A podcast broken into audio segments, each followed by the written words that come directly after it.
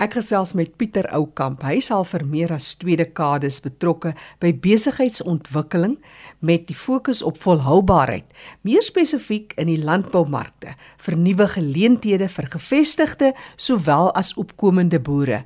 Nou julle het 'n organisasie gestig Pieter spesifiek om hierdie ondersteuningsnetwerk te vorm. Wat is julle hoofdoel?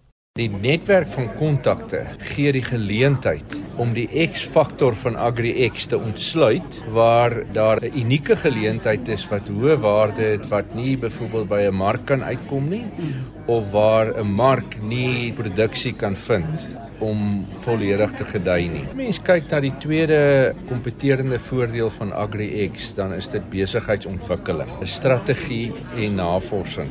Die geleentheid is dat die wêreld is reg om in 'n groot mate van chemiese medikasie en chemiese oplossings weg te beweeg, ook as gevolg van die hele dryf op die groen ekonomie. Alle nuwe produkte het 'n uitdaging om markte te vind om offtake agreements te kry. Ook aan die ander kant weer om produksie in gang te kry. Binne AgriX wat ons het in ons netwerk, is nie ons alleen nie, het ons die vermoë om die regte partye bymekaar uit te bring ons het ook die vermoë om soms deel te raak van 'n geleentheid en uh, dit dan volhoubaar te ontwikkel. Vertel ons van van 'n suksesstorie. Sal jy 'n scenario skets van hoe jy gaan te werk kan gaan? Jy werk. Ja, kom ons werk gou van 'n idee af. Ek mm. gaan nie van 'n spesifieke kliënt praat nie. Kom ons sê ons sit met 'n situasie waar daar 'n unieke idee geplaas word. Mm. Die prosesse is absoluut as uh, eers om alle inligting in te samel ja. rondom hierdie idee.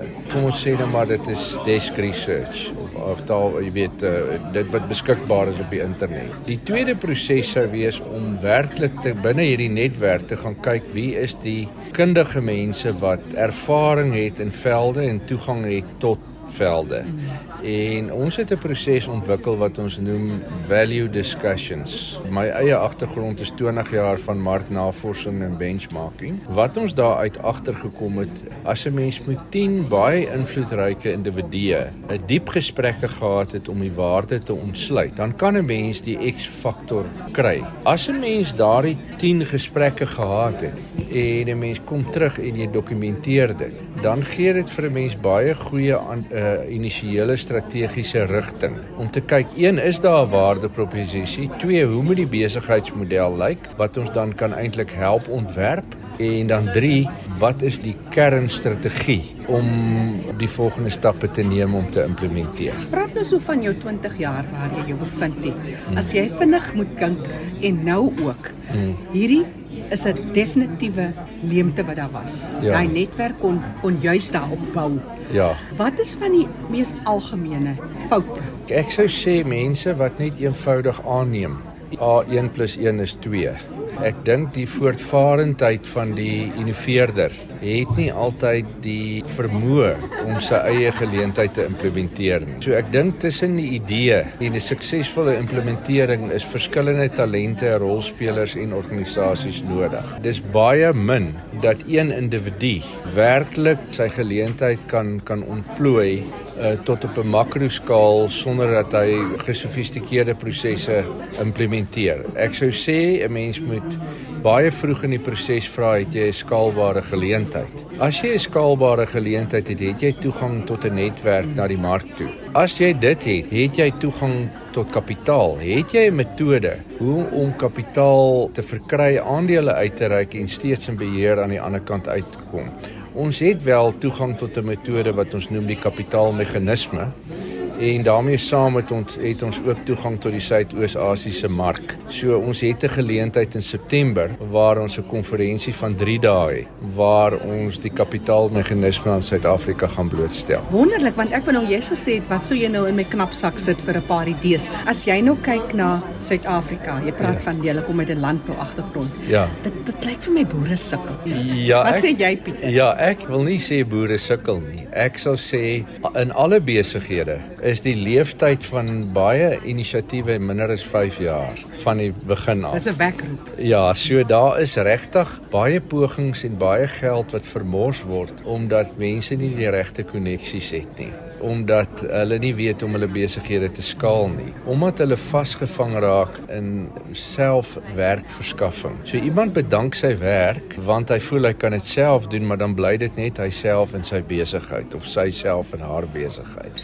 So wat gebeur? Jy verskaf net werk, maar jy skaal nie. So ek dink ons soek skaalbare besighede in Suid-Afrika wat natuurlik kan werk skep. Die kleiner medium besighede kan 'n baie groter bydrae maak om in Suid-Afrika die ekonomie te laat gedei tot almal se voordeel as korporatiewe multinasjonale maatskappye. Waar is daar geleenthede in die mark? Ja. Waar is daar ek praat ja. nou van mense in die diep landelike gebiede ja. tot in die grootste stede. Ja, ja ek dink die blootstelling, die ontwikkeling van verbruikerskennisbasis kort baie investering, meer blootstelling sodat mense weet hoe om 'n koopbesluit te maak en dat hulle ook die redes dan kan oordra aan ander mense.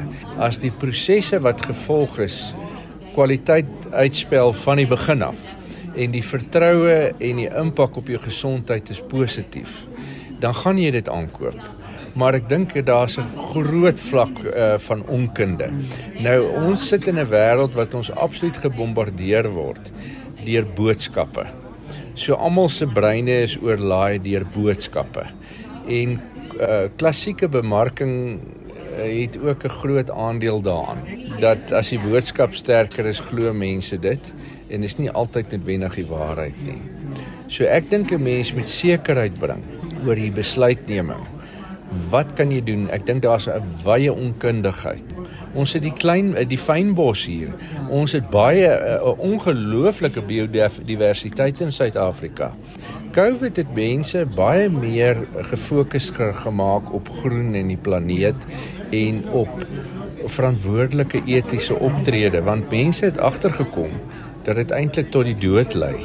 So mense is reg nou vir nuwe produkte, vir aanpassing, vir ander maniere van aankoop en ek dink dit kan ongelooflike diferensiasie gee vir maatskappye in die gesondheidsbedryf en selfs in die kosbedryf as 'n diferensieerder van wat hulle aan as 'n pakkie bring na die mark. Pieter is nou interessant dat jy nou praat van hierdie geleenthede. Een van jou groot doelwitte is juis die skep van 'n kompeterende voordeel. En as ek nou daarna verwys, dink ek onmiddellik aan ons in Suid-Afrika wat nie al hierdie wonderlike jy het nou net verwys na die fynbos, ja, ja. maar die wonderlike medisinale plante, die kruie, die spesery aanwend tot ja gesondheid ja, ja, maar ook werkskepping en 'n klomp ander goed. Absoluut. Nee, ek dink dit is 'n uh, uh, as die regte drywers agter dit in is en dit word ondersteun en dit word uh, in die platform vir groei word geskep. Mm. Dan dink ek uh, dit is 'n ongelooflike diferensieerder vir hierdie land. Is 'n ongelooflike groot uh, werkskepper vir die land. Ja dit is ongelukkig die ding van Afrika dat politiek kry die eerste sê terwyl ons eintlik op 'n skatkis sit wat nie oopgemaak word nie. Ons sit en huil op op ons eie skatte en ons kyk vir die wêreld en ons dink die wêreld kan dit beter doen, maar ons sit met die kompeterende voordeel. Pieter vir mense wat meer wil lees oor wat jy doen by AgriX, dalk 'n webtuiste agrix.com uh, en uh, hulle kan ook vir my persoonlike e-pos stuur na pieter@bluestream blou vir 4 bluestream group.co.za Pieter Oukamp van AgriX wat gepraat het net weer hy webtuiste. Dis www.agrix.co.za